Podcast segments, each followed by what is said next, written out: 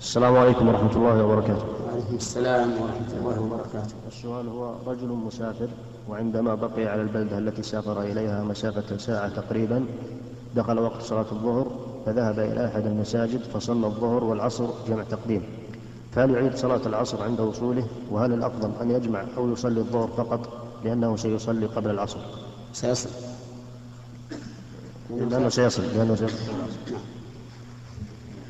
أولا يجب أن نعلم أن المسافر يسن له قصر الصلاة الرباعية إلى ركعتين من حين أن يخرج من بلده إلى أن يرجع إليها. وهذا لا إشكال فيه. وأما الجمع فالأفضل أن لا يجمع إلا عند الحاجة إلى الجمع.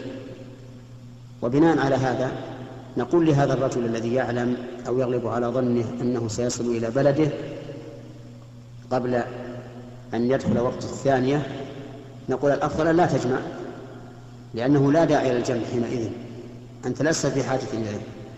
لكن مع ذلك لو جمع فإنه لا تلزمه إعادة الصلاة إذا قدم إلى بلده لأن ذمته برئت بالصلاة التي جمعها إلى ما قبلها.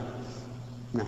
طيب شيخ لو قلنا قد يطرأ عليه مثلا في السفر عطل في السيارة يضرب حساب الشيء كل هذا أمر متوقع.